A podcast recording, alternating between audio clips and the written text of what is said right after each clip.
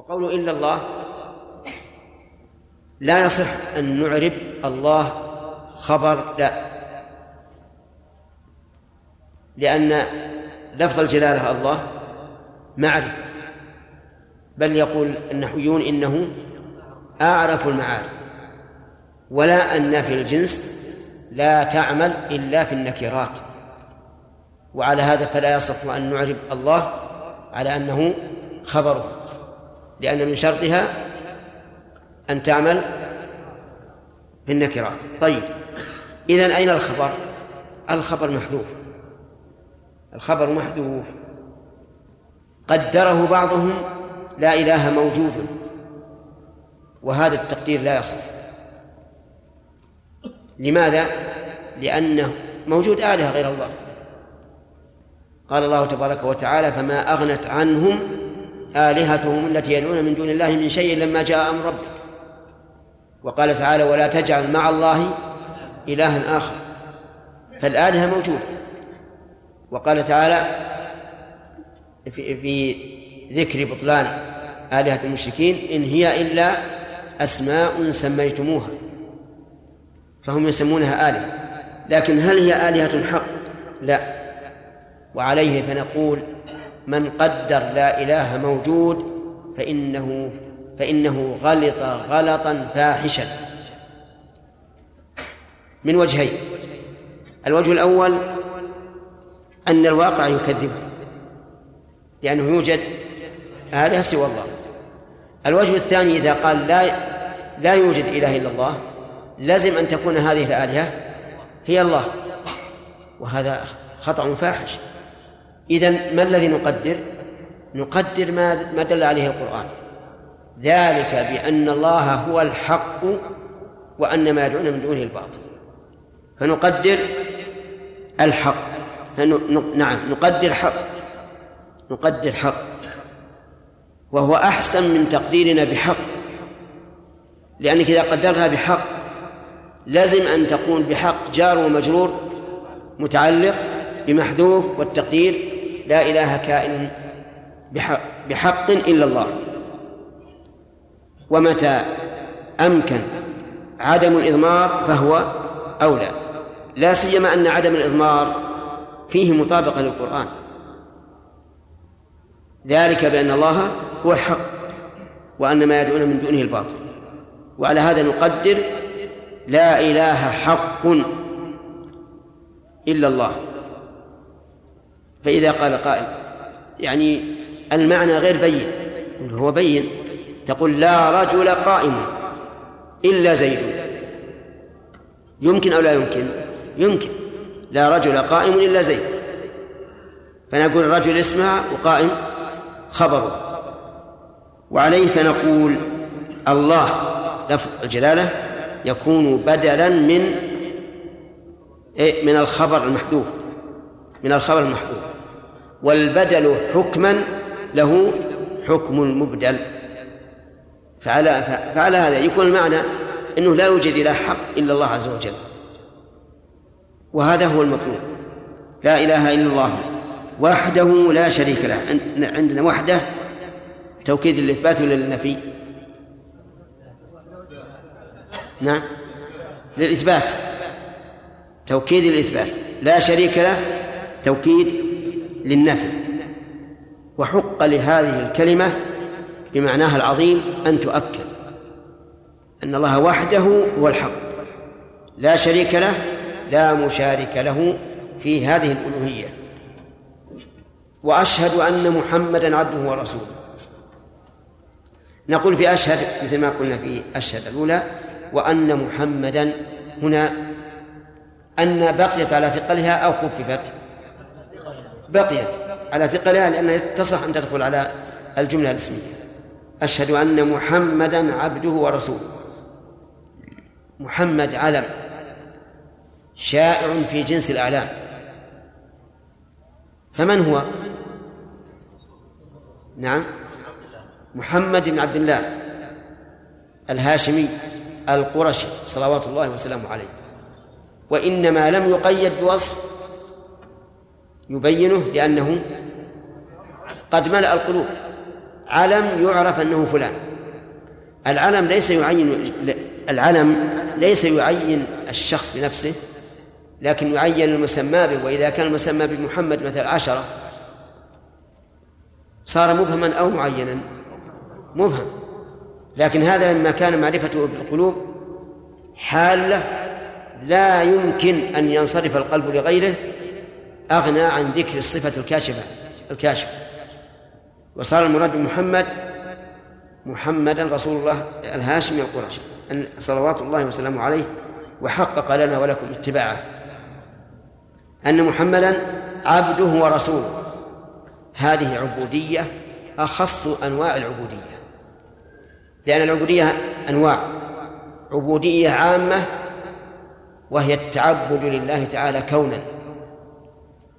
التعبد لله كونا هذا شامل لجميع الخلق. كل الخلق يتعبدون لله كونا لا يمكن أن يخرجوا عن طاعته أبدا. الأخ حتى الكافر حتى الكافر عبد. أي في العموم العبادة الكونية. نعم حتى العبد حتى الكافر. هو عبد لله. قال الله تبارك وتعالى إن كل من في السماوات والأرض كل من في السماوات والأرض إلا آتي الرحمن عبدا. وهذه العبودية العامة لا يحمد عليها الإنسان لأن الإنسان مسخر. عبودية خاصة وهي العبودية بالشرع التعبد لله بشرعه. هذه هي التي يحمد عليها الإنسان وهي مدار الثناء. العبودية لله بالشرع أقسام. بعضها أخص من بعض. فعبودية الصالحين ليست كعبودية الأولياء. لأن عبودية الأولياء أخص. عبودية الأولياء ليست كعبودية الأنبياء. عبودية الأنبياء أخص. عبودية الأنبياء ليست كعبودية الرسل. عبودية الرسل أخص. لأنهم محملون إبلاغ الرسالة إلى عباد الله والجهاد عليها إذا أذن لهم بالجهاد. وصف النبي محمد صلى الله عليه وسلم بالعبودية من أي الأنواع؟ من أخص الأخص. من أخص الأخص. بل هو عليه الصلاة والسلام وإخوانه من أولي العزم هم أخص أخص أنواع العبودية. ولذلك انظر إلى أعماله عليه الصلاة والسلام ماذا يصنع؟ ذكر استغفار صلاة صدقة بذل لا يوجد له نظير. حتى أنه عليه الصلاة والسلام لما كان يصلي حتى تتفطر قدماه يقال له في ذلك يقول أفلا أكون عبدا شكورا؟ عبدا شكورا. يعني هذه العبودية التامة. أما الرسالة فحدث ولا حرج. يخرج إلى الناس في أوطانهم يدعوهم إلى الله عز وجل. ويرجع إليه قد خ... قد أدموا عقبه ولم يستجيبوا له. ومع ذلك هو صابر وخروجه لأهل الطائف ودعوته إياهم ثم إهانتهم له حتى يرموه بالعقاب بالحجارة ويدم عقبه ثم يرجع لم يفق إلا في قرن الثعال ويأتيه ملك الجبال يقرئه السلام ويقول إن الله أمره إذا شاء رسول الله صلى الله عليه وسلم أن يطبق عليهم الأخشبين. الآن الأمر بيده. بإذن الله عز وجل. لو شاء لأمر ملك الجبال أن يطبق, يطبق عليهم الأخشبين. لكنه ماذا قال؟ قال أستأني بهم. أتأنى. لعل الله أن يخرج من أصلابهم من من يعبد الله ولا يشرك به. وهذا وقع. أتجدون أحدا أصبر من هذا؟ حتى الفطرة والطبيعة تقتضي أن ينتقم الإنسان من هؤلاء وأمثالهم. لكنه عليه الصلاة والسلام لا ينتقم لنفسه أبدا. إنما أمره لله. إذا هو قد اتصف بأكمل أنواع العبودية ورسوله أي يعني المرسل من قبله من قبل الله عز وجل. فهو رسول من الله. إلى من؟ إلى الإنس والجن. إلى جميع الناس. من يهود ونصارى ووثنيين وملحدين إلى كل الخلق. وهل أرسل إلى الملائكة أو لا هذا محل لا, لا حاجة إلى بحثه لكنه أرسل إلى الإنس والجن. فالإنس والجن كلهم مكلفون بقبول رسالته وشهادة والشهادة له بالرسالة. وما أحسن كلمة قالها الشيخ محمد بن الوهاب رحمه الله قال هو عبد لا يعبد ورسول لا يكذب. هذا يعني جملة جيدة جدا. وتصورها سهل وهي جامعة. هو عبد لا يعبد ورسول لا يكذب. وسيأتينا إن شاء الله في بحث فوائد هذا الحديث أن الناس صاروا فيه طرف صاروا فيه طرفين ووسطا. طرف عبدوه وطرف كذبوه والوسط من عبدوا الله برسالته وصدقوه هؤلاء هم الوسط. الأسئلة أعلن أعلن دخولها. ولا لا؟ أو تبون نستمر بالشر؟ طيب. يقول عليه الصلاة والسلام ما من أحد ما منكم من أحد يتوضأ فيصبغ الوضوء ثم يقول أشهد أن لا إله إلا الله وحده لا شريك له وأشهد أن محمدا عبده ورسوله إلا فتحت له أبواب الجنة. دائما في القرآن الكريم يشير الله يشير الله إلى هاتين الشهادتين في عدة مواضع. نذكر منها موضعا واحد وتقيسنا عليه الباقي. قال الله تعالى أفلم يدبروا القول أم جاءهم ما لم يأتي آباءهم الأولين؟ هذه تضمن الشهادة لله عز وجل حيث جاء قوله وهو كلامه بتحقيق التوحيد أم لم يعرفوا رسولهم؟ هذه شهادة أن محمدا رسول الله.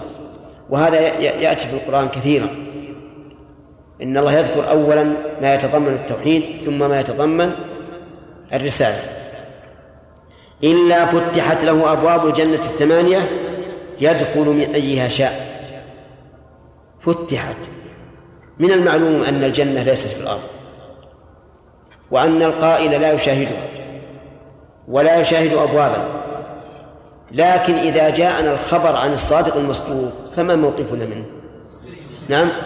أن نصدق به أكثر مما نصدق ما نشاهده بأعيننا. لأن العين قد تخطئ وخبر النبي عليه الصلاة والسلام لا يخطئ. وعلينا أن نؤمن بهذا الأمر الغيبي وأن الإنسان إذا تطهر وأسبغ الوضوء وقال هذا فتحت أبواب الجنة. فماذا يترتب على فتحها؟ يترتب على فتحها له أن الله ييسر له جميع الأعمال التي بها يدخل هذه الأبواب.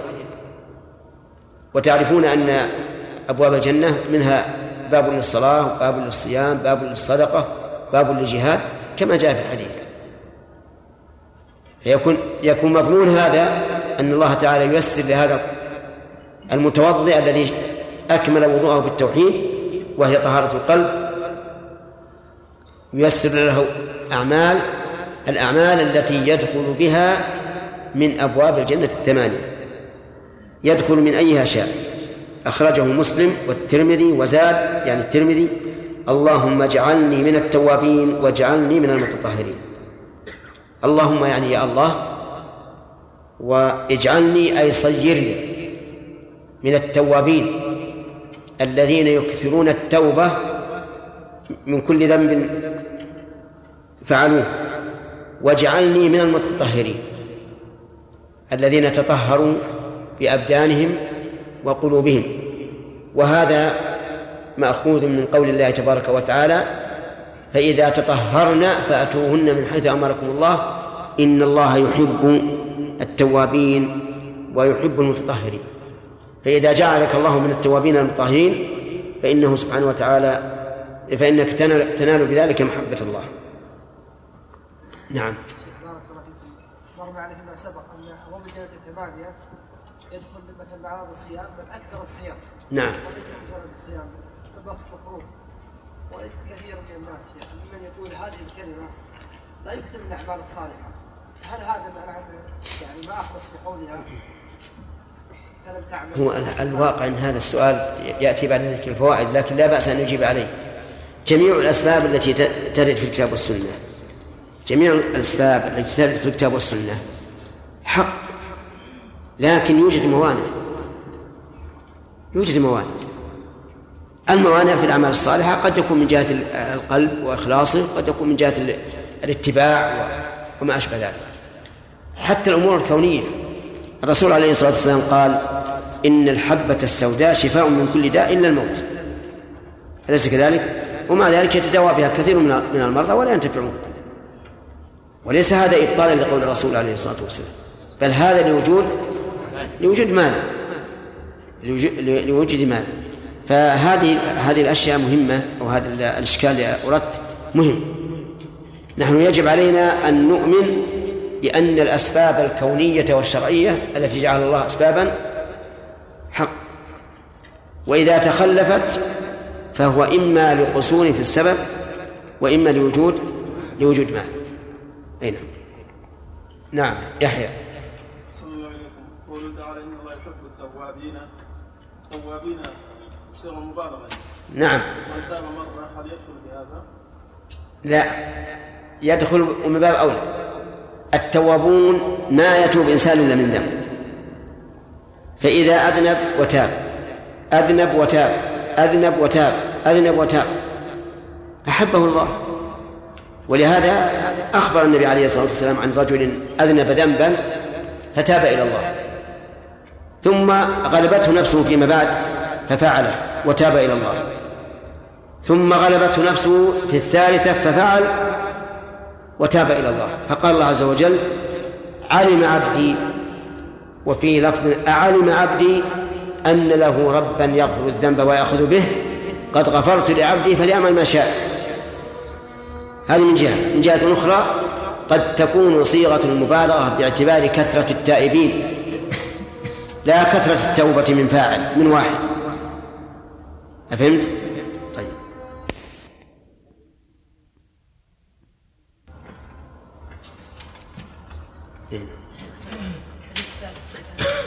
نعم. نعم. إيش؟ نعم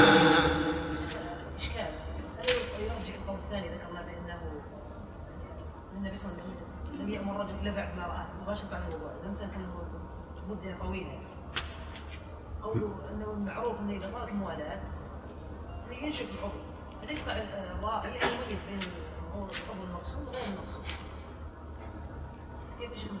ما يمكن توضح على المسجد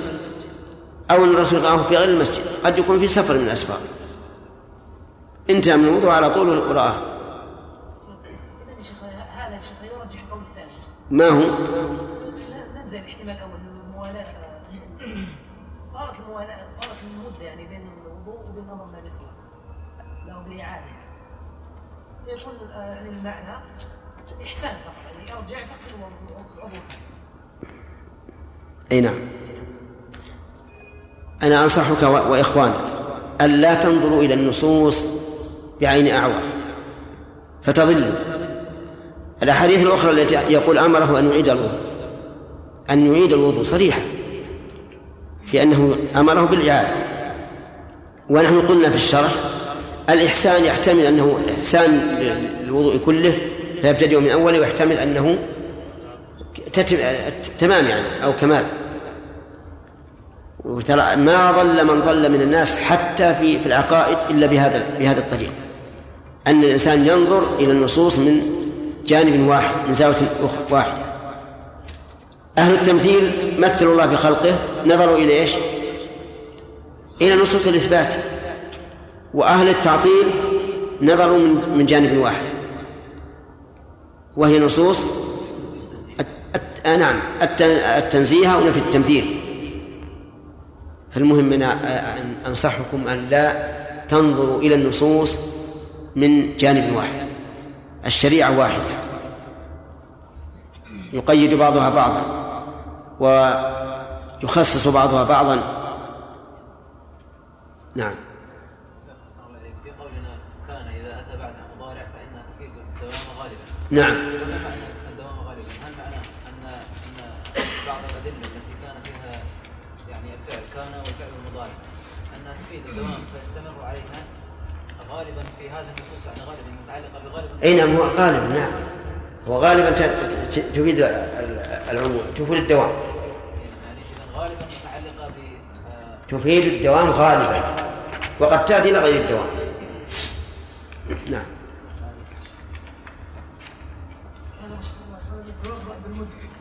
وهذا يدل على ان الماء قليل جدا فهل كان يعني دائما يتوضأ مرة مره هذا هو الغالب. الغالب عليه أنه يتوضأ مره مره كيف؟ يكون يعني غالب وضوءه بناء على قله إيه. ما ما تقدر تقول الإنسان. يقدر الإنسان يأخذ ش- شيء يسير ويقول هكذا. ويجري. لكن السبب السبب إن نستغرب هذا الشيء لأن ما تعودنا عليه. ابن عباس رضي الله عنهما يقولون إنه كان يتوضأ ولا ولا يوجد النقط تحت تحت الوضوء. بس ما تعودنا على هذا. انتهى؟ الحديث حديث عمر؟ طيب. بسم الله الرحمن الرحيم. الحمد لله رب العالمين وصلى الله وسلم على نبينا محمد وعلى آله وأصحابه ومن تبعهم بإحسان إلى يوم الدين.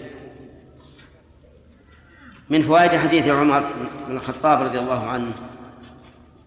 الحث على إسباغ الوضوء لما يترتب عليه من الفضيلة إذا ذكر الذكر من بعده كقول ما منكم من أحد يتوضأ فيسبغ الوضوء.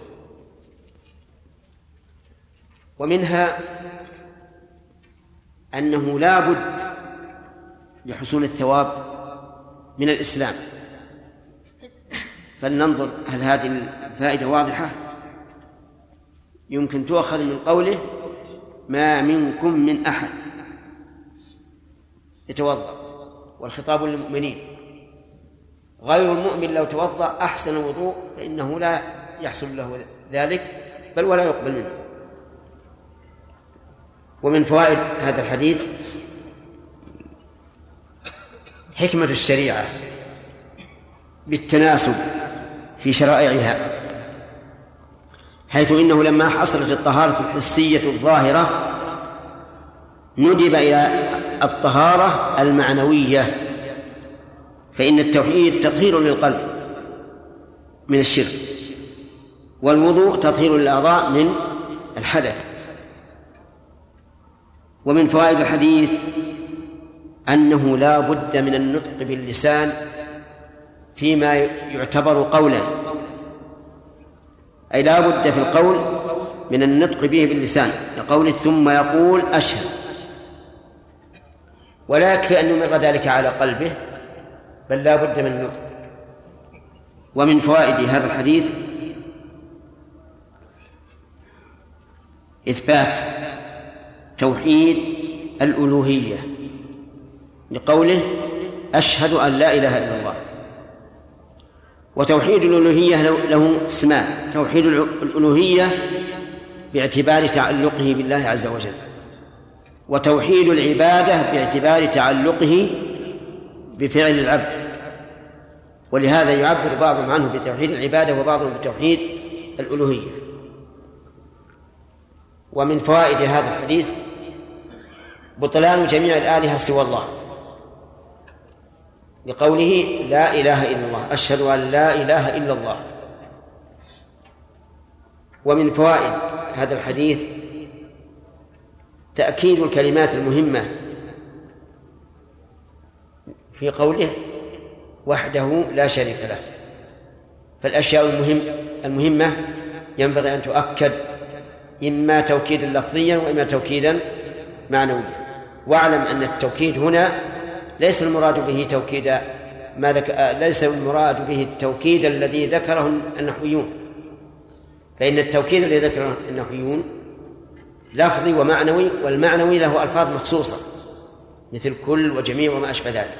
لكن هنا توكيد معنوي بذكر جملة تفيد معنى الجملة التي سبقها. ومن فوائد هذا الحديث شهادة أن محمدا عبد الله ورسوله مقترن عبد الله ورسوله مقترنة بشهادة التوحيد. ووجه ذلك أن كل عبادة لا بد فيها من إخلاص ولا بد فيها من متابعة. فبالإخلاص تتحقق شهادة أن لا إله إلا الله وبالمتابعة تتحقق شهادة أن محمدا عبد الله ورسوله ورسوله. ومن فوائد الحديث الرد على على الغلاة بالنبي صلى الله عليه وسلم. على الولاة في النبي صلى الله عليه وسلم لقوله أن محمدا عبده. فليس للنبي صلى الله عليه وسلم حظ من الربوبية. هو عبد عليه الصلاة والسلام وليس برب ومن فوائد الحديث الرد على منكر رسالة النبي صلى الله عليه وسلم في قوله إيش؟ ورسوله. ومن فوائد الحديث فضيلة النبي صلى الله عليه وسلم حيث جمع بين شرف العبادة وشرف الرسالة لقوله عبده ورسوله. ومن فوائد الحديث وجوب تصديق النبي صلى الله عليه وسلم فيما أخبر به عن الله. لكونه رسولا من عنده.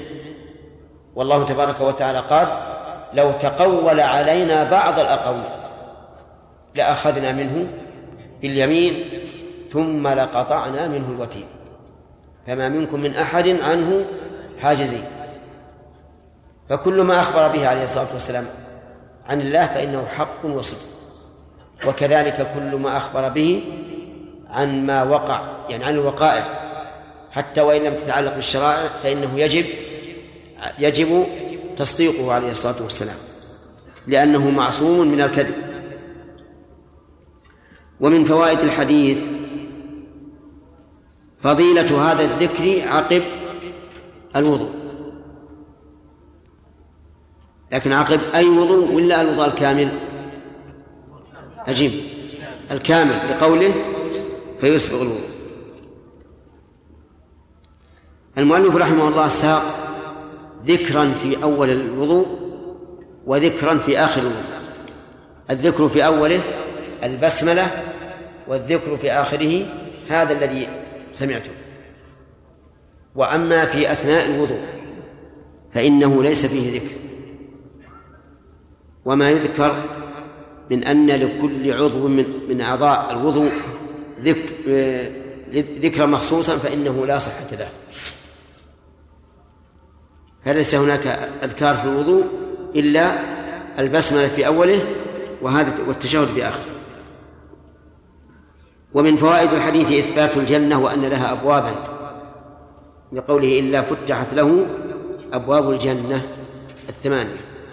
ومن فوائده أن أبواب الجنة ثمانية وقد ثبت بالكتاب العزيز أن أبواب النار كم؟ سبعة وهذا مما يشير إلى ما ثبت عن النبي صلى الله عليه وسلم من أن رحمة الله سبقت غضبه ولهذا كانت أبواب دار كرامته أكثر من أبواب دار عقوبته. ومن فائدة هذا الحديث أن من قام بما ذكر تيسرت له أبواب الخير لقوله فتحت له أبواب الجنة يعني فييسر له الصلاة الصدقة الجهاد كل أبواب الخير. ومن فوائد هذا الحديث الرد على الجبرية الذين ينكرون مشيئة العبد. بقوله يدخل من أيها شاء. وكذلك من قوله ما من منكم من أحد يتوضأ. فأضاف الفعل إلى الإنسان. وهذا هو الذي تدل عليه الأدلة السمعية والعقلية والواقعية. وأن الإنسان له مشيئة وإرادة لكن نعلم أن الإنسان إذا شاء شيئا وفعله فإن الله تعالى قد قد شاءه وقدره. ولا شك لا يكون في ملك الله تعالى ما لا يريد. ومن فوائد هذا هذا الحديث في رواية الترمذي أن الإنسان إذا فعل ما يكون سببا للطهارة والتوبة فإنه لا يعتمد على ذلك ويعجب بعمله بل يسأل الله القبول. لقولها اللهم اجعلني من التوابين واجعلني من المتطهرين. ومن فوائد الآية الكريمة يعني نعم ومن فوائد الحديث الشريف آه أن التوبة منزلة عالية. ينبغي للمؤمن أن يسأل الله أن يسأل ربه إياها لقولها اللهم اجعلني من التوابين. فما هي التوبة؟ التوبة بمعنى الرجوع. وهي الرجوع من معصية الله إلى طاعته. ولها شروط خمسة. الأول الإخلاص والثاني الندم على ما فعل من المعصية والثالث الإقلاع عنه والرابع العزم على أن لا يعود والخامس أن تكون في الوقت الذي تقبل فيه التوبة وذلك قبل حضور الأجل وقبل طلوع الشمس من مغربها. فهذه شروط خمسة لا بد فيها من التوبة وإلا لم تقبل. وهل يشترط أن يتوب من الذنوب الأخرى؟ في هذا قولان للعلماء. قول إنه لا تصح التوبة من ذنب مع الإصرار على غيره. والصواب أنها أنه أن التوبة من ذنب تصح مع الإصرار على غيره. وفصل بعضهم فقال إن كان الغير من جنس ما تاب منه فإنه يقبل وإن لم يكن من جنسه فإنه لا يقبل. والصواب أن يعني لا تقبل التوبة والصواب أن التوبة تقبل مطلقا. فلو تاب الإنسان مثلا من من الزنا قبل قبل التوبة وإن كان مصرا على النظر إلى المرأة إلى النساء. وإذا تاب من السرقة قبلت توبته وإن كان يأكل أموال الناس بالباطل من جهة الغش والكذب وما أشبه ذلك. لكن استحقاق التوبة المطلقة لا يكون إلا بالتوبة من جميع من جميع الذنوب. ومن فوائد الحديث أيضا آه، أن نعم أن التطهر منزلة عالية. يليق بالمسلم أو يجب يجدر بالمسلم أن يسأل ربه إياها. لقوله واجعلني من المتطهرين ومن فوائده في هذا الدعاء الأخير الجمع بين طهارة الظاهر وطهارة الباطن طهارة الباطن عبد الله منين؟ منين؟ في أي في أي جملة؟ أي جملة؟ نعم وطهارة الظاهر واجعلني من المتطهرين انتهى ما فتح الله به علينا من فوائد هذا الحديث فننتقل إلى باب المسح على الخفين. قال المؤلف باب المسح على الخفين. نعم. هذا سعد زين الدين. يقول الرجاء الحضور عند باب المسجد. المسح على الخفين يتعلق بالطهارة بعضو من أعضائها وهما وهو وهو وهو القدمان. وجوازه ثابت بالكتاب والسنة وإجماع السلف. ولم يخالف في هذا إلا الرافضة.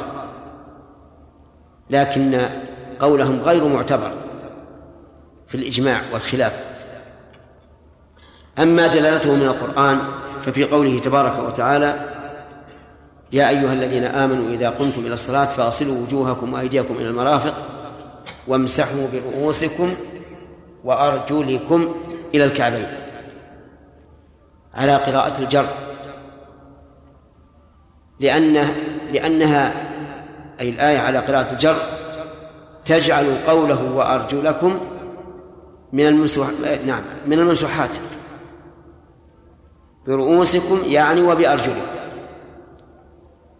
وعلى قراءة النصب تجعلها من من المغسولات فهل الإنسان مخير بين أن يمسح على القدم البارزة أو أو يغسلها؟ السنة تابع ذلك. لأنه لم يرد عن النبي عليه الصلاة والسلام حرف واحد أنه مسح على رجله وهي مكشوفة. وعليه فنرجع إلى فعل الرسول عليه الصلاة والسلام في تنزيل الآية بقراءتيها على ما كان يفعله عليه الصلاة والسلام. إذا فعلنا ذلك وجدنا أن الرسول عليه الصلاة والسلام كان يمسح رجليه إذا كان عليهما الخفان. ويغسل إذا كان عليهما إيه نعم إذا كان إذا كانتا مكشوفتين. أما السنة فهي متواترة في هذا. وأنشدناكم من قبل بيتين حول هذا الموضوع. من يحفظهم؟ نعم. أي نعم. مما تواتر حديث من كذب. ومن بنى لله بيتا واحتسب. ورؤية شفاعة والحوض ومسح خفين وهذه بعض. فالسنة متواترة عن النبي صلى الله عليه وسلم في جواز المسح على الخفين وأنه مشروع وأن الإنسان إذا كان لابس لهما فمسحهما أفضل من خلعهما والغسل. وأما إجماع السلف فهو معلوم حتى أن العلماء بعضهم حتى إن بعض العلماء جعل هذا من من العقائد ووضعه في العقيدة. ولكنه لا بد من شروط. لا بد للمسح الخفين من شروط. الأول ما أشار إليه في حديث المغيرة بن شعبة رضي الله عنه قال كنت مع النبي صلى الله عليه وسلم فتوضأ. وذلك في غزوة تبوك حين رجع عليه الصلاة والسلام وكان معه المغيرة بن شعبة ينقل له الماء لوضوئه واستنجائه. فتوضأ فأهويت لأنزع خفي يعني أهويت برأسي لأنزع خفي وكأنه كان قائما يصب الماء على النبي صلى الله عليه وعلى آله وسلم. فلما وصل إلى الرجلين أهوى لينزع الخفين.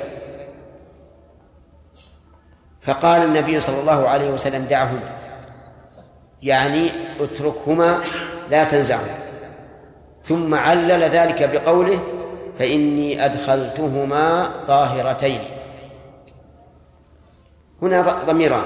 دعهما وأدخلتهما. ألهى في دعهما وأدخلتهما. هل مرجعهما واحد؟ أو يختلف؟ لننظر. دعهما يعني دع الخفين لا تنزعهما أو دعهما دع الرجلين.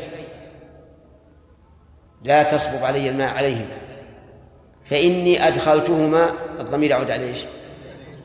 الرجلين نعم لأن الرجل هي المدخلة في الخف أليس كذلك؟ فتكون يكون الضمير في أدخلتهما على الرجلين وهذا يؤيد أن يكون الضمير في دعهما على الرجلين طيب فمسح عليهما على إيش؟ على الخفين وهذا يؤيد أن يكون قوله دعهما يعود إلى إلى الخفين. والمسألة سواء عدا إلى هذا أو إلى هذا فالحكم لا يختلف. وقوله أدخلتهما طاهرتين طاهرتين نعرفها على أنها حال حال من الها في قوله أدخلتهما. فمسح عليهما ولم يذكر الترتيب في المسح. أي لم يذكر أنه مسح اليمنى ثم اليسرى. لكنه أثبت أنه مسح عليه. ففي هذا الحديث من الفوائد جواز استخدام الحر. لأن النبي صلى الله عليه وسلم استخدم المغيرة بن شعبة وهو حر. ومن فوائده جواز السؤال. أي سؤال أي سؤال الغير لكن بشرط أن يكون الغير لا يمن بالإجابة على السائل. فالمغيرة بن شعبة لما استخدمه النبي صلى الله عليه وسلم رأى أن ذلك من من شرفه وفضله وأنها غنيمة أن يستخدمه النبي صلى الله عليه وعلى آله وسلم. فإذا كان استخدامك للشخص في فعل معين أو أكثر من فعل يدخل السرور عليه وتجد أنه يفرح بذلك فإن استخدامك إياه لا يعد من المسألة المذمومة. طيب. ومن فوائد الحديث فضيلة المغيرة بن شعبة بخدمته النبي صلى الله عليه وعلى آله وسلم. ومن فوائده آه، جواز خلع النعلين أو الخفين من الغير. وإن كان هذا قد يستنكف منه كثير من الناس لكن كلما قويت الصلة سهلت هذه المسألة.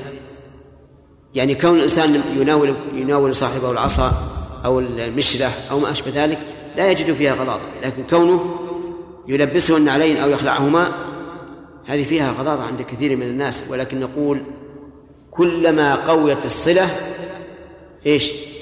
سهلت هذه. نعم. ومن فوائد هذا الحديث البناء على الأصل. يعني جواز تصرف الإنسان بالبناء على الأصل. لقوله لأنزع خفيه. بناء على الأصل ما هو الأصل هنا؟ غسل الرجلين. فالمغيرة رضي الله عنه ما استأذن الرسول ما قال أتأذن أن أخلع؟ بل أهوى ليخلع بناء على الأصل. طيب. ومن فوائد هذا الحديث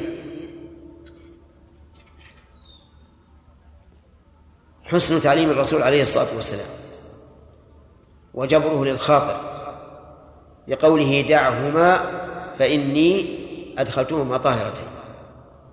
فلما ذكر الحكم ذكر العلة. ومن فوائد الحديث الإشارة إلى أنه لا يمسح على الرجلين يعني على الخفين إذا لبسهما على غير طهارة. وجهه أنه علل عليه الصلاة والسلام عدم خلعهما بأنه لبسهما على طهارة. فيفيد أنه يشترط لجواز المس على الخفين تقد أن يلبسهما على طهارة. وقول طاهرتين هل المراد أنه أدخلهما بعد أن أن طهرت القدمان؟ أو يوزع الفعل على كل قدم وحدها. في هذا خلاف بين العلماء. فمنهم من قال إنه لا يجوز أن يلبس الخفين إلا إذا تمت الطهارة فغسل الرجلين وبناء على ذلك لو غسل الرجل اليمنى ثم لبس الخف. ثم غسل اليسرى ولبس الخف. فإنه لا يصح المسح عليه حتى يخلع اليمنى ثم يعيد لبسها وهذا هو المشهور من المذهب. وفيه حديث يشير إلى ذلك. أن النبي صلى الله عليه وسلم قال إذا توضأ أحدكم فلبس خفيه فليمسح عليه. فإن قوله إذا توضأ لا يصدق عليه أنه توضأ إلا إذا تمت الطهارة. ثم هو أيضا أحوط. وأصحاب القول الثاني يقولون إنه أدخل كل قدم وهي طاهرة. فصدق عليه أنه أدخلهما وهما طاهرتان. وهذا يقوى على القول بأن الإنسان إذا غسل كل عضو من أعضاء الوضوء ارتفع الحدث عنه. أما على قول من يقول إنه لا يرتفع الحدث حتى يتمم الأعضاء فلا شك أنه لابد أن يتمم غسل الرجلين. آه، هل في المسألة صعوبة فيما لو أدخل اليمنى ثم اليسرى؟ ليس في صعوبة. لأن المطلوب المطلوب منه الآن إيش؟ أن يخلع اليمنى ثم يعيد يعيد الوسام هذا المطلوب. فإن قال قائل هذا نوع من العبث. إذ ما المعنى أن نقول اخلع الخف ثم عد فالبس؟ نقول هذا ليس ليس نوع من العبث. لأن أصل وضع الخف أولا غير صحيح. كونه يلبسه قبل أن تتم الطهارة هذا غير صحيح. فهذه في الواقع ليست إعادة. هذه في الواقع لبس جديد. لأن اللبس الأول الذي حصل قبل إيش؟ قبل الوضوء ليس بصحيح. لا يقره الشرع. وبهذا ننفصل عن عن القول بأن هذا نوع من العبد. طيب إذن يستفاد من هذا الحديث أيضا. من فوائد الحديث أن المسح على الخفين أفضل من الغسل. وجه ذلك أن الرسول قال دعهما فإني أدخلتهما طاهرتين فمسح عليه وعلى هذا نقول امسح ولا تخلع وتغسل. ولكن لو أن الإنسان لبس ليمسح فهل يمسح؟ أو لا؟ في هذا التفصيل إن كان لبس ليمسح لغرض له في المسح. فهنا يمسح. وإن كان لبس ليمسح ليسقط واجب الغسل فإنه لا يمسح. كما قلنا إن الإنسان إذا سافر إذا سافر في رمضان ليفطر فإنه لا يحل له الفطر لأن هذا تحين على إسقاط واجب. ومن فوائد هذا الحديث أن المسح على الخفين يكون مسحا عليهما معا.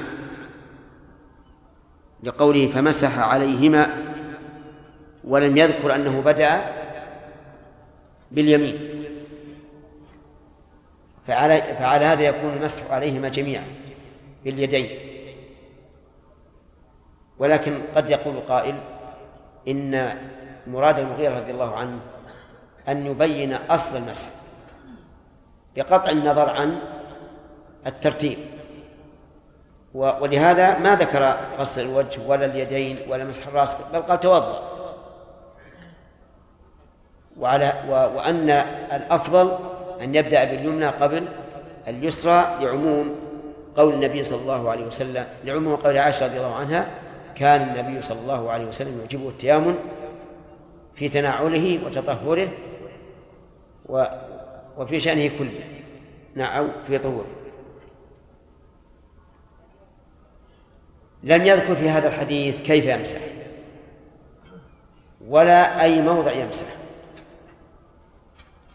فنقول إن المسح إنما هو على الأعلى أعلى الخف كما سيأتي إن شاء الله. ولا والمسح وصفه العلماء بأن الإنسان يبل يده بالماء ثم يميطها من أطراف الأصابع إلى الساق وتكون الأصابع مفرقة لأنها لو كانت مضمومة لاختص المسح بجانب من القدم من من الخف. فإذا كانت مفرقة كان أوسع. ولهذا قالوا ينبغي أن يمسح مفرقا أصابعه من أطراف أصابع الرجل إلى إلى الساق.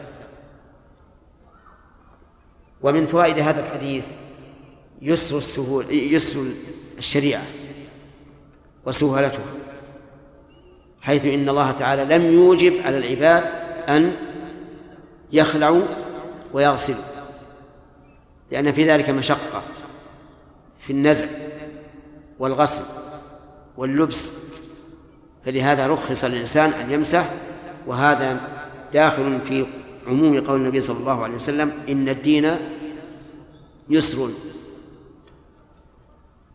ثم قال رحمه الله بما نقله وللأربعة عنه إلا النسائي أن النبي صلى الله عليه وسلم مسح أعلى الخف وأسفله وفي إسناده ضعف. وإذا كان ضعيفا فلا عبرة به نعم. أي نعم.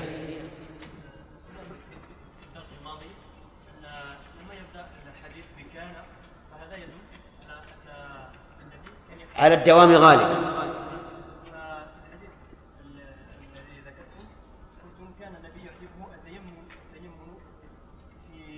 تنعله وترجله وطهوره وفي شأنه كله.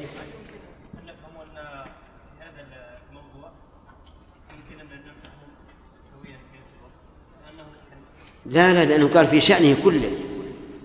يعجبه أن يتيامن في كل شؤون. نعم. يحيى؟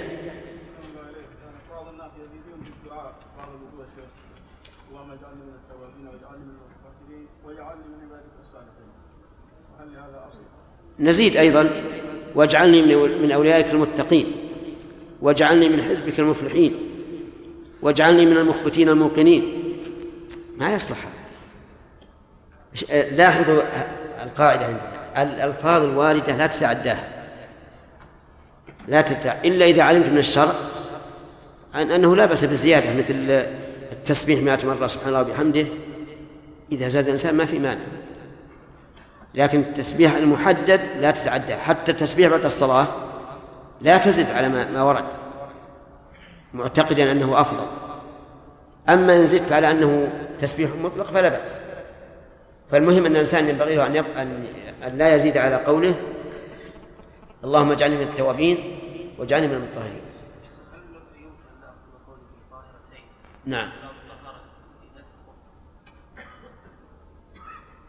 ربما إذا قلنا أدخلتهما أي الخف ظاهرتين لكن لا لا أظن هذا مراد الرسول عليه الصلاة والسلام. لا أظن أنه مراد الرسول. شيخ بارك الله فيكم قد يحتاج الإنسان أحيانا إلى أن يدخل الخف قبل أن يغسل الثاني فلو يعني جاء رجل قد فعل هذا وصلى يحتاج إلى هذا الأمر ثم صلى. إيه؟ وش هو يحتاج؟ فسر لنا الحاجة. نعم فيدخل الشيخ مثلا في في مكان رطب. إيه؟ ولو خلع الخفين ابتلت بدل مثلا في مكان وسخ كما يحدث عند المغاسل كثيرة يكون أرضية متسخة فلو انتظر لا لا أنت. يغسل الرجل ثم يضعها على الخف. ما هو في الأرض شيخ هذا يقع كثيرا مع لا بس أنا بشوف المشقة ولعل مسألة إني- أنه يتصور. إيش؟ إذا تبلل كثيرا بارك الله فيك. فإدخاله في الجورب أشد حتى أنت إذا دخلت الآن الرجل وهي وهي, وهي آه، مبلولة صار يتبلل الباطن أكثر. شيخ هذا نرى كثيرا من العلماء يفعلون هذا. يغسل ثم يلبس مباشرة. صحيح. يقال لهم لا لا تفعل لكن لو فعل شيخ هل نقول عن الصلاة؟ لا شيء ما نقول عن الصلاة. عاد الصلاة ما, ما, نجرى على هذا. نعم. نعم. وعلى آله وأصحابه ومن تبعهم بإحسان إلى يوم الدين. آه، المسح على الخفين هل دل عليه القرآن أم ثبت بالسنة؟ نعم. نعم. دل عليه القرآن. في أي آية؟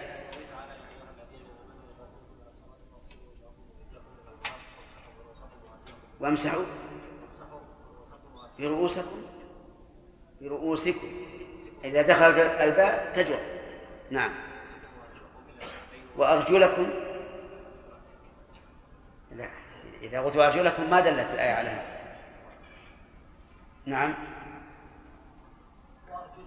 وأرجلكم برؤوسكم وأرجلكم. وجه الدلالة؟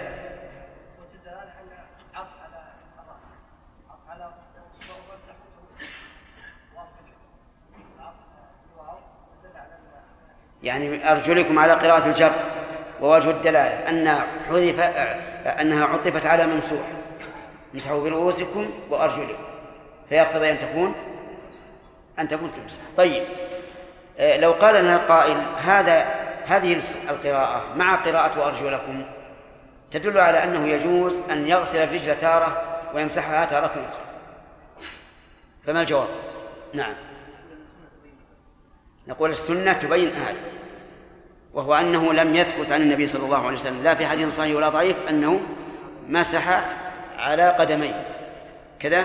وإنما كان يمسح على خفين فيكون القراءتان منزلتان على اختلاف حالين. حال الرجل مكشوفة؟ نعم. صحيح. المسح على الخفين هل هو أفضل؟ أو الخلع والغسل. كمال. على حسب التفصيل ما هو؟ إذا كان يشق على فإن الشريعة جاءت في إذا شق على الرجل أن يخلع كان يكون في برد مثلا وكان أدخلهما طاهرتين فالأفضل أن يمسح عليهما فأما إن كان لا يشق عليه ولم يلبسهما أصلا ولبسهما على غير طهارة نعم. لا لا تقول لبس مع الطهارة أن كلامنا إذا تمت الشروط فهل الأفضل أن يمسح الخفين أو أن يخلع ويغسل الرجلين؟ على أحوال إذا كان لأحياء السنة فالأفضل المسح. دعنا من هذا. ما؟ إذا شق عليه فالأفضل المسح. إذا إذا شق فالأفضل المسح وإن لم يشق فالأفضل الغسل. نعم.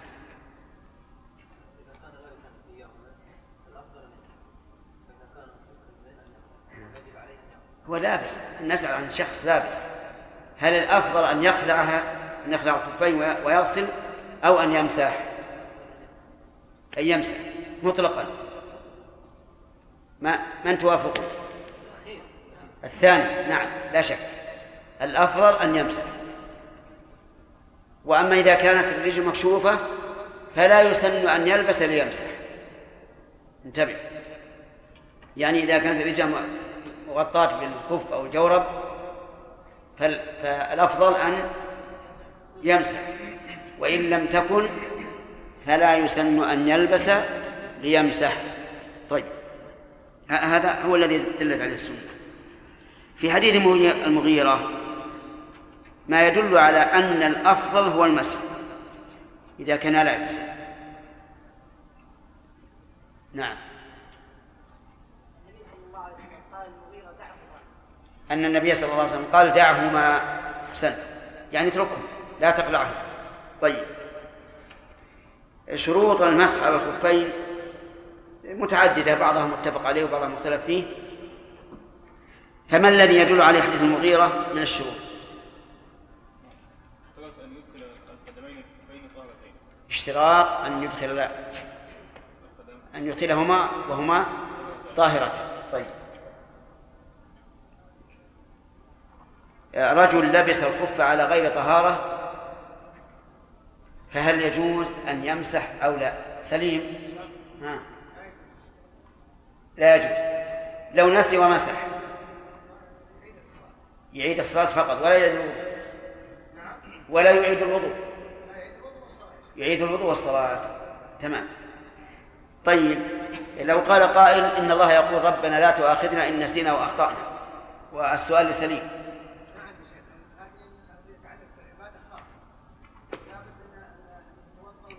يعني هذا فعل مأمور والمأمور لا يسامح فيه بالنسيان. ولهذا لو سلم من ثلاث في الرباعية ناسيا قلنا لا قلنا أتمه. طيب. هذا اللي بعده. قال المؤلف بسم الله الرحمن الرحيم. نبدأ درس الليلة وللأربعة عنه أي عن المغيرة إلا النسائية أن النبي صلى الله عليه وعلى آله وسلم مسح أعلى الخف وأسفله وفي إسناده ضعف. جملة معترضة في هذا الحديث يقول إن الرسول مسح أعلى الخف وهو ما يكون على ظهر القدم وأسفله وهو ما يكون تحت القدم. لكن هذا في إسناده ضعف. وعلل عندي بالحاشية لأنه من رواية كاتب المغيرة وقد ضعفه أئمة الحديث.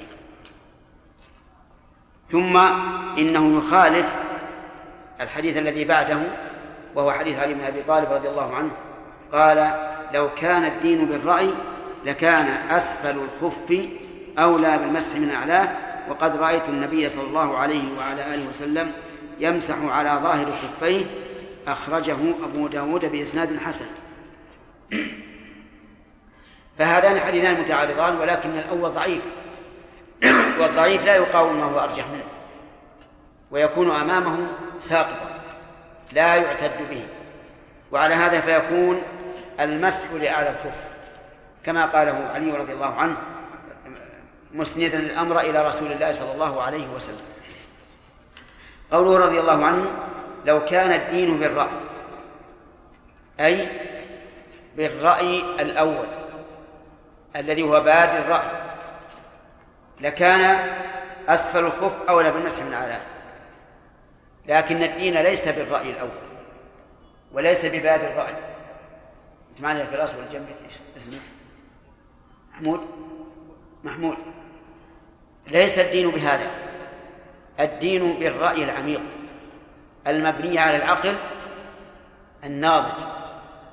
وإلا فلا شك أن الدليل يعني النقل الصحيح لا يمكن أن يخالف العقل الصريح. هذه قاعدة. النقل الصحيح لا يمكن أن يعارض العقل الصريح. والدليل على هذا أن الله دائما يقول أفلا تعقلون؟ مما يدل على أن الشريعة موافقة. إيش؟ للعقل. وأن الذي يخالف الشريعة مخالف للعقل. وعليه فيكون قول علي رضي الله عنه في قوله لو كان الدين بالرأي أي؟ إيش؟ ببادر الرأي. لكان أسفل الكفر أو لا بالمسجد من أعلاه لكن الدين يكون بالعقل المتعمق الراسخ المتألم. ولذلك تجد أكثر ما تجد أكثر الذين يبنون أمورهم على باد الرأي يفسدون أكثر مما يصلحون لأنهم لم ينظروا للعواقب ولم ينظروا للنتائج والثمرات فتجدهم يفسدون أكثر مما يصلحون ولهذا لما سئل الإمام أبو حنيفة رحمه الله عن قوم يخرجون يأمرون بالمعروف وينهون عن المنكر لكن بالعنف وأخذ الناس قال لا يفعلون قال إنهم يأمرون بالمعروف وينهون عن المنكر قال نعم ولكنهم يفسدون أكثر مما يصلحون وهذه قاعدة يجب على الإنسان أن يبني منهجه وحياته عليها. أن ينظر إلى إيش؟ إلى العواقب. أنت ربما تشفي غليلك. يعني تروي غليلك أو تشفي عليك في هذه الحال وترى أنك قد تشفيت لكن يحصل من المفاسد أكثر مما مما حصل من هذه المصلحة التي وقعت لك. فانظر يا أخي في النتائج. انظر في العواقب. وما جريات الأمور التي نشاهدها الآن حولنا أو بعيدا منا تدل على ذلك على أنه يجب أن نتأنى ونتبصر حتى نقدم الخطى. آه، إذا رأينا إذا إذا نظرنا إلى هذه المسألة بالرأي العميق وجدنا أن أعلى الخف أولى بالمسح من أسفله. أعلى الخف أولى لأنك إذا مسحت على الخف مسحت على شيء نظيف. على شيء لم تلوثه الأرض بالأذى والقدر ربما يكون. ولو مسحت على الأسفل لتلوثت يدك بالأذى والقدر والوسخ. وليس المراد بهذا المسح أن نغسل الرجل. ولو كان المراد أن نغسل الرجل لوجب علينا أن أن نخلع لكن المراد التعبد لله عز وجل بمس هذه هذا العضو بما يكون تطهيرا له. فعليه يكون الدين وهو مسح الخف من أعلاه موافقا للعقل وللرأي السليم الصواب. ومن فوائد حديث علي رضي الله عنه آه، آه، ما ذكرناه الآن أن الدين ليس بالرأي الذي هو بادر. من فوائده أيضا إسناد الأحكام الشرعية إلى من له التشريع وهو من الخلق من؟ الرسول عليه الصلاة والسلام. ولهذا قال وقد رأيت النبي صلى الله عليه رسول الله صلى الله عليه وسلم إلى آخره. ومن فوائد هذا الحديث أن المسح على الظاهر ليس على الباطن. فمن مسح على الباطن فهو من المتعمقين المتنطعين المبتدعين أيضا و وظاهر الحديث وهو قوله على ظاهر خفيه أن أدنى مسح كاف أدنى مسح لأنه لم يقل مسح بظاهر. بظاهر خفيه حتى نقول إنه يجب استيعاب ظاهر الخف كقوله تعالى وامسحوا برؤوسكم حيث قلنا إن الباء في قوله وامسحوا برؤوسكم لإيش؟ للاستيعاب. فيجب أن يكون مسح الرأس في الوضوء شاملا لجميع الرأس. لكن هنا قال على فيكفي أدنى مسح. ولكن هذه المسألة فيها خلاف. والمذهب الوسط فيها ما ذهب إليه الإمام أحمد رحمه الله أنه يكفي مسح أكثر الظاهر. أنه يكفي مسح أكثر الظاهر. فلو أمر يده على ظاهر الخف من من أصابعه إلى ساقه كفى ولا يمسح العقل ولا الأسفل بل من أطراف الأصابع إلى الساق ووصفه أهل العلم بأن يضع يده مفرجة إلى الأصابع على ظاهر الخف من عند الأصابع إلى أن يصل إلى إيش؟ إلى الساق. ثم هنا يقول على ظاهر خفين ولم يقل هل بدأ باليمين أو بدأ بالشمال. أو بدأ أو مسح عليهما جميعا باليدين. أما كونه بدأ بالشمال فغير وارد. لماذا؟ لأن النبي صلى الله عليه وسلم كان يعجبه التيمم في تنعله وترجله وطهوره وفي شأنه كله. الوارد هل مسحهما جميعا باليدين أو بدأ باليمنى؟ هذا محل نظر وتردد. فمن العلماء من قال يمسحهما جميعا باليدين لأن هذا ظاهر لفظ الحديث. مسح عليهما ولم يذكر أنه بدأ بإيش؟ باليمين. فعلى هذا يكون المسح عليهما مرة واحدة باليدين اليمنى لليمنى واليسرى لليسرى. ومنهم من قال إن الصحابي أراد أن يبين وقوع المسح بقطع النظر عن كونه بدأ باليمين أو بالشمال ونحن نقول إن المسح فرع عن الغسل والغسل يبدأ فيه فيه باليمين. وما دام الأمر مترددا بين هذا وهذا فإن العلماء قالوا أحدهم قال بهذا وأحدهم وأحدهم قال بهذا. يعني بعضهم قال يمسحهما جميعا. وبعضهم قال يبدأ باليمين والأمر عندي في هذا واسع. المهم أن يمسح عليهم. وفي هذا الحديث رد على الرافضة لأنهم يرون علي بن أبي طالب إمام الأئمة والأئمة عندهم معصومون من الخطأ. وهم لا يرون المسح على الخفين وعلي رضي الله عنه أحد الخلفاء الذين نعم علي أحد الصحابة الذين رووا أحاديث المسح وهو خليفة من خلفاء المسلمين. ومع ذلك لا يقبلون هذا. مما يدل على أن القوم إنما يتبعون أهواءهم لا يتبعون الحق. قال ابن كثير فيما في غالب ظني إنهم خالفوا الحق في تطهير الرجل من وجوه ثلاثة. أولا أنهم قالوا يجوز مسح الرجل المكشوفة بدلا عن غسلها. وثانيا أنهم جعلوا الكعبين هما العظمان الناتئان على ظهر القدم. فيكون التطهير في نصف القدم فقط. وثالثا أنهم منعوا من مسح الخفين. وكل هذا ثابت كما مر عليكم ويمر إن شاء الله. وعن صفوان بن عسال رضي الله عنه قال كان النبي صلى الله عليه وسلم يأمرنا إذا كنا سفرا. كان يأمرنا.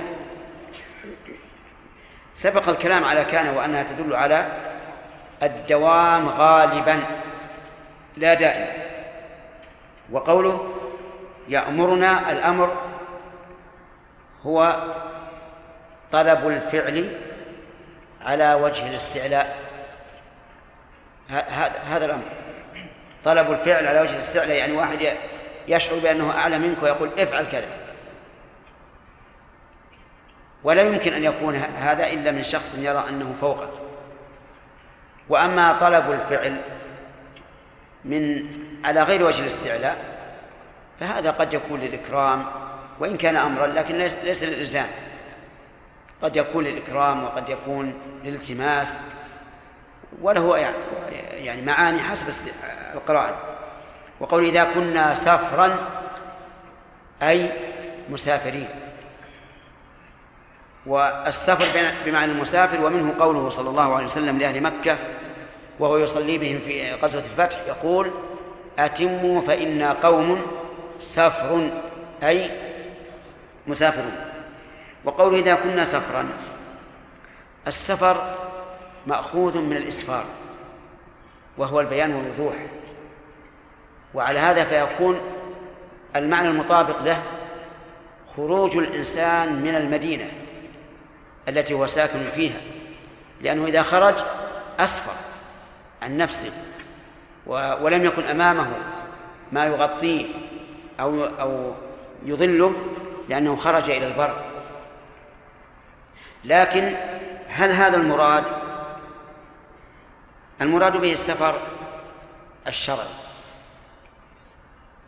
وهو على رأي كثير من العلماء ما كان مسيرة يومين قاصدين على الإبل المحملة وتقديره نحو ثلاثة ثمانين كيلو بالمسافة. هذا هو السفر الشرعي الذي تترتب عليه أحكام السفر. واختار شيخ الإسلام رحمه الله اختيارا لا شك أنه أقرب إلى الأدلة وهو أن السفر جاء في النصوص مطلقا. والشيء إذا جاء في النصوص مطلقا يحمل على العرف إذا لم يكن له حقيقة شرعية. وعلى هذا وعلى هذا وردكم في القواعد وكل ما أتى ولم يحدد بالشرع كالحرز فبالعرف حدودي فيقول شيخ الإسلام أين الدليل من الكتاب والسنة على أن السفر مسافة كذا وكذا؟ والرسول عليه الصلاة والسلام يقول شيخ الإسلام في زمنه لم يكن هناك مساح هناك مساحون يقيسون الأرض بالذراع وبالأصابع وبحب الشعير لأن الذين قدروها بالمسافة يصلون بالتقدير إلى إيش؟ إلى حبة الشعير وإلى شعرة البرذم الفرس. وعليه فأنا الآن مما مما أري البلد هنا غير مسافر. لأن ما ما كملت شعر آه، حبة الشعير. واللي أمامي الآن مسافر.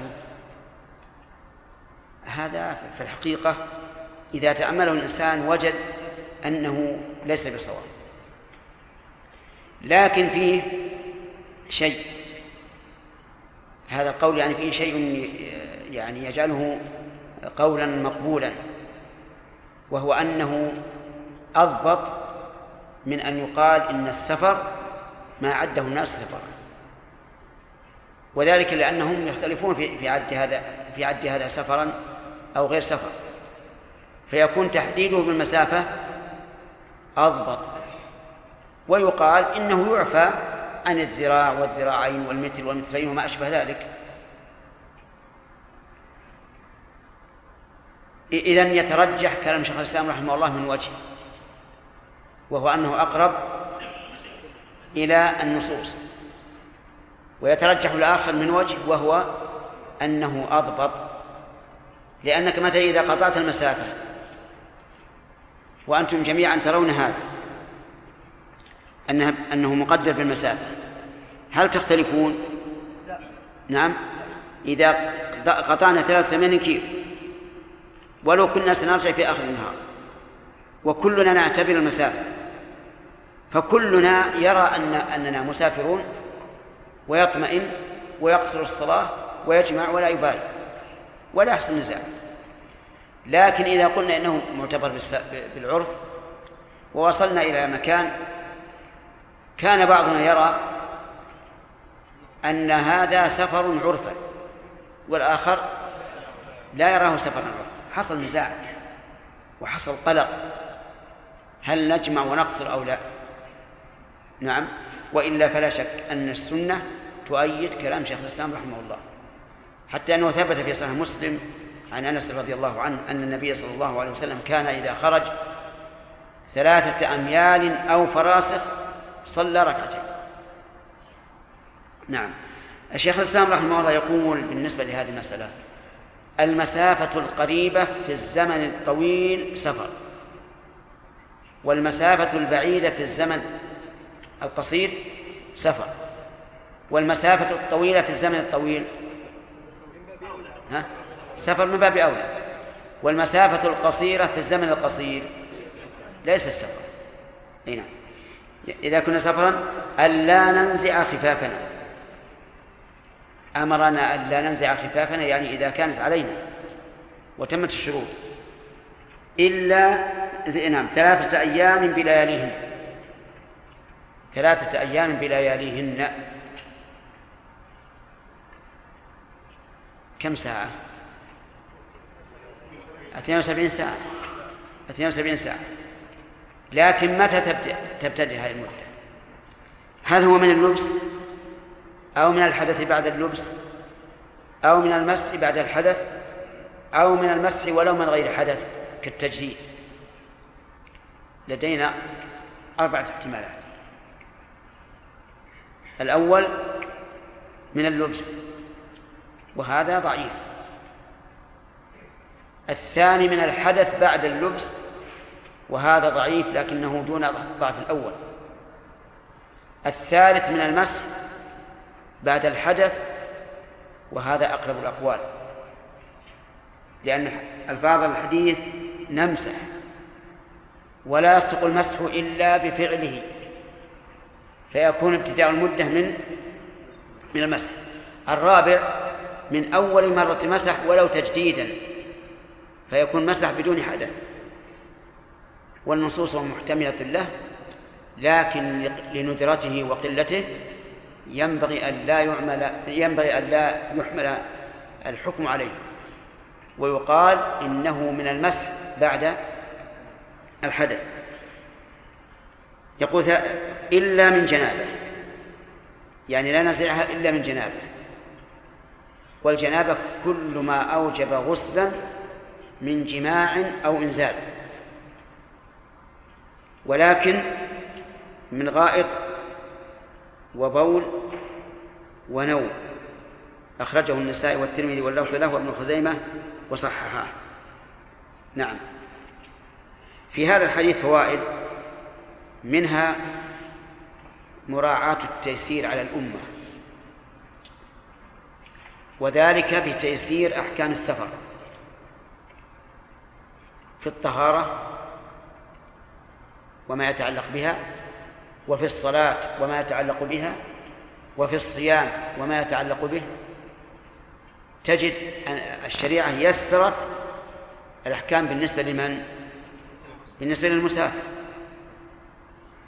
فيستفاد من هذا مراعاة الشريعة ليش؟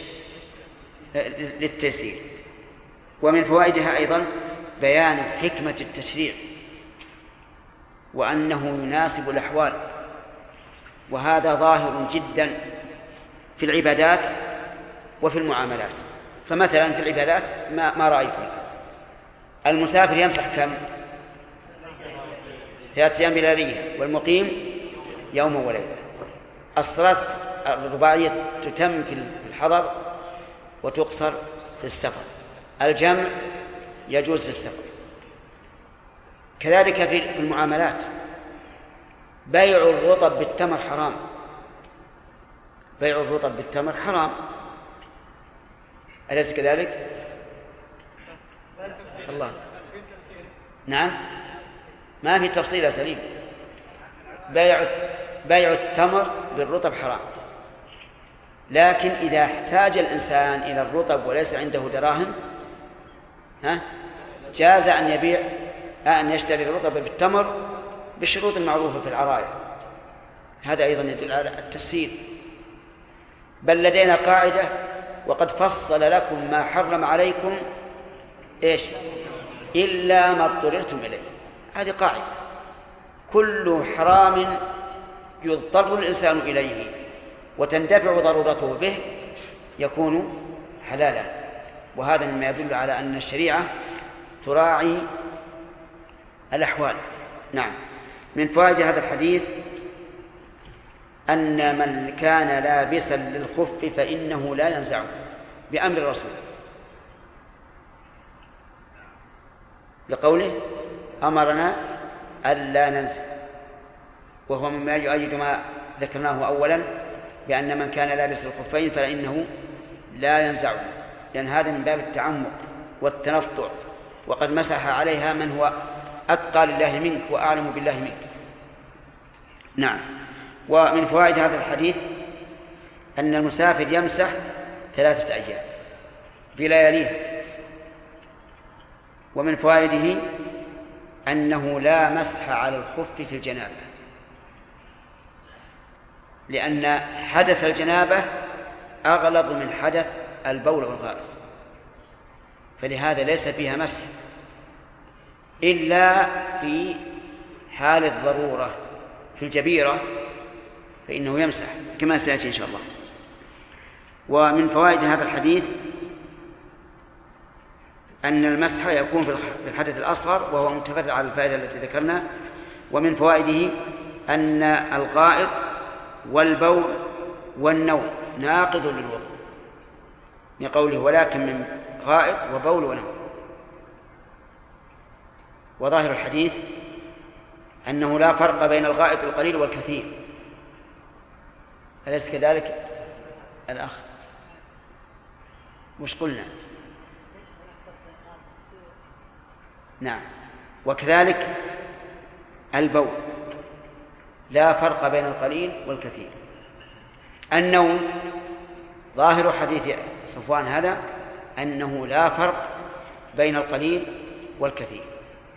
لكن دلت أدلة أخرى أن هناك فرقا بين القليل والكثير بالنسبة بالنسبة للنوم. إذا يستفاد من هذا الحديث أن الغائط ناقض للوضوء قل أو كثر. البول ناقض للوضوء قل أو كثر. النوم ناقض للوضوء قل أو كثر لكن هذا مقيد النوم بأحاديث أخرى. أنه إذا كان النوم قليلا فإنه لا ينتقض به الوضوء. وسيأتي إن شاء الله تعالى بيان ذلك في نواقض الوضوء. هل حديث صفوان هنا حصر نواقض الوضوء أو هناك نواقض أخرى؟ أي هناك نواقض أخرى. منها الريح. وهي لم تذكر هنا ومنها أكل لحم الإبل وهو لم يذكر هنا. المهم أن صفوان رضي الله عنه إنما ذكر أمثلة فقط ولا تدل على الحصر. وعن علي بن أبي طالب رضي الله عنه قال جعل النبي صلى الله عليه وسلم ثلاثة أيام بلياليهن المسافر ويوم وليلة المقيم يعني في المسح على الخفين أخرجه مسلم. جعل النبي اعلم أن الجعل ينقسم إلى قسمين. جعل قدري وجعل شرعي. فمثال القدر الشرعي قول الله تعالى ما ما جعل الله من بحيرة ولا سائبة ولا وصيلة ولا حام. ما جعل الله. هذا جعل شرعي ولا قدري؟ شرعي. ولا يصح أن يكون قدريا. لأن البحيرة والسائب والوصيلة والحام موجودة. فيكون نفي الجعل هنا للجعل الشرعي. أي ما شرع الله هذا. والجعل القدري كثير في القرآن. جعلنا الليل لباسا وجعلنا النهار معاشا. أي جعل هذا؟ هذا جعل قدري. فقول فقول علي رضي الله عنه جعل النبي من أيهما؟ الشرع. ثلاثة أيام بليالي المسافر كما في حديث صفوان ويوما وليلة للمقيم. تبتدئ من؟ من أول مسح بعد الحدث. وعلى هذا لا يحسب ما س... لا يحسب من المدة ما كان قبل المسح بعد الحدث فلو أن رجلا لبس الخف لصلاة الفجر وبقي على طهارته ولم يمسح إلا لصلاة العشاء ابتداء المدة من متى؟ من مسح من المسح للعشاء. ولهذا ربما يبقى ثلاثة أيام وهو مقيم. ربما يبقى على طهارته حتى ينام ولا يمسح إلا لصلاة الفجر من اليوم الثاني فتبتدئ المدة من من صلاة الفجر. تنتهي عند صلاة الفجر من اليوم الثالث. وإذا بقي على طهارته إلى إلى إلى العشاء يكون صلى بخفيه كم؟ ثلاثة أيام. أي نعم. وأما قول العامة خمس صلوات فهذا لا أصل له.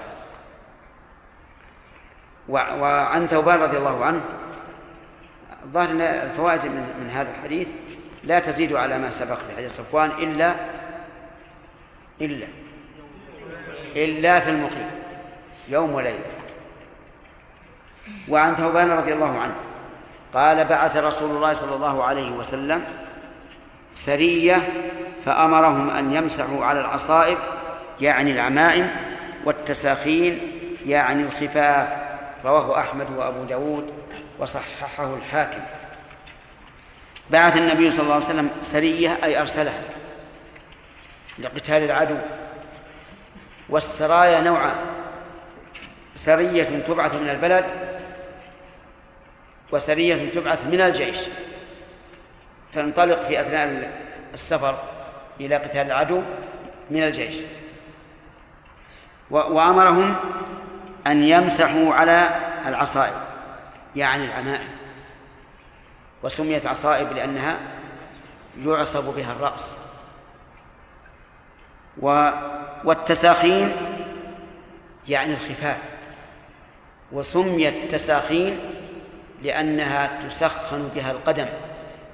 فإن لابس الخف لا بد أن يسخن أن يكون في في لبسه إياه تسخين للقدم. فيستفاد من هذا الحديث أولا مشروعية بعث السرايا لكن بشرط أن لا يكون في هذا البعث إلقاء بالنفس إلى التهلكة مثل أن يرسل سرية لجيش يبلغ آلاف آلافا هنا لا يجوز. لقول الله تعالى ولا, ولا تقتلوا أنفسكم إن الله بكم رحيما. ها؟ إن الله كان بكم رحيما.